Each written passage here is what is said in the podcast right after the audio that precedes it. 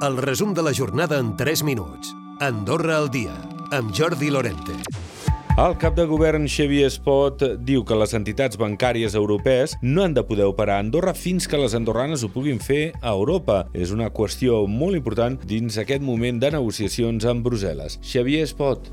Cal fer tota una sèrie de passes doncs, perquè les nostres entitats bancàries eh, puguin operar eh, dins del mercat eh, de serveis financers europeu. Eh, de la mateixa manera doncs, entenem que les sucursals d'entitats bancàries estrangeres no han de poder venir a casa nostra fins que nosaltres puguem fer-ho. És a dir, que puguin venir quan nosaltres puguem sortir. I poder sortir vol dir, i amb això crec doncs, que estem d'acord també amb les nostres entitats bancàries, vol dir el level playing field. Andorra Business veu que l'acord d'associació seria una oportunitat a nivell de competitivitat empresarial per a les empreses andorranes que cerquen internacionalitzar-se. N'ha parlat la directora d'aquest ens, la Judit Hidalgo. Nosaltres ho veiem com una oportunitat. Val?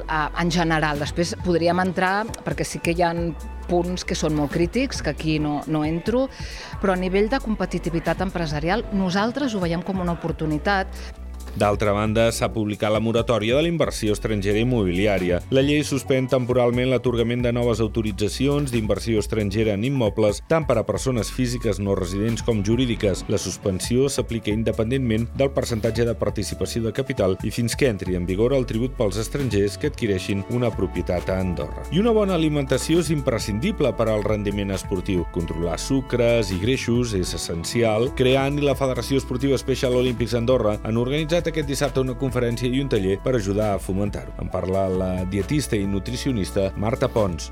Jo penso que la gent està fent un canvi, que estem menjant bé, però sí que és veritat que al mateix temps tenim al nostre entorn, tenim la facilitat de menjar molt tipus d'aliments i el no tenir temps a l'haver de, de cuinar ràpid, doncs a vegades ens porta a escollir aliments que potser no són del tot saludables.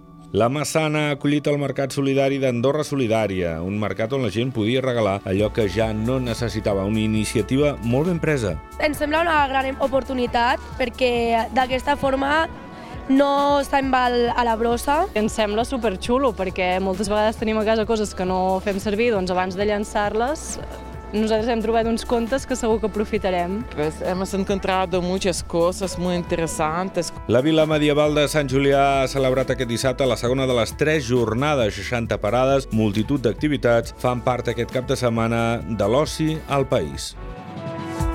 Recupera el resum de la jornada cada dia a AndorraDifusió.d i a les plataformes de podcast.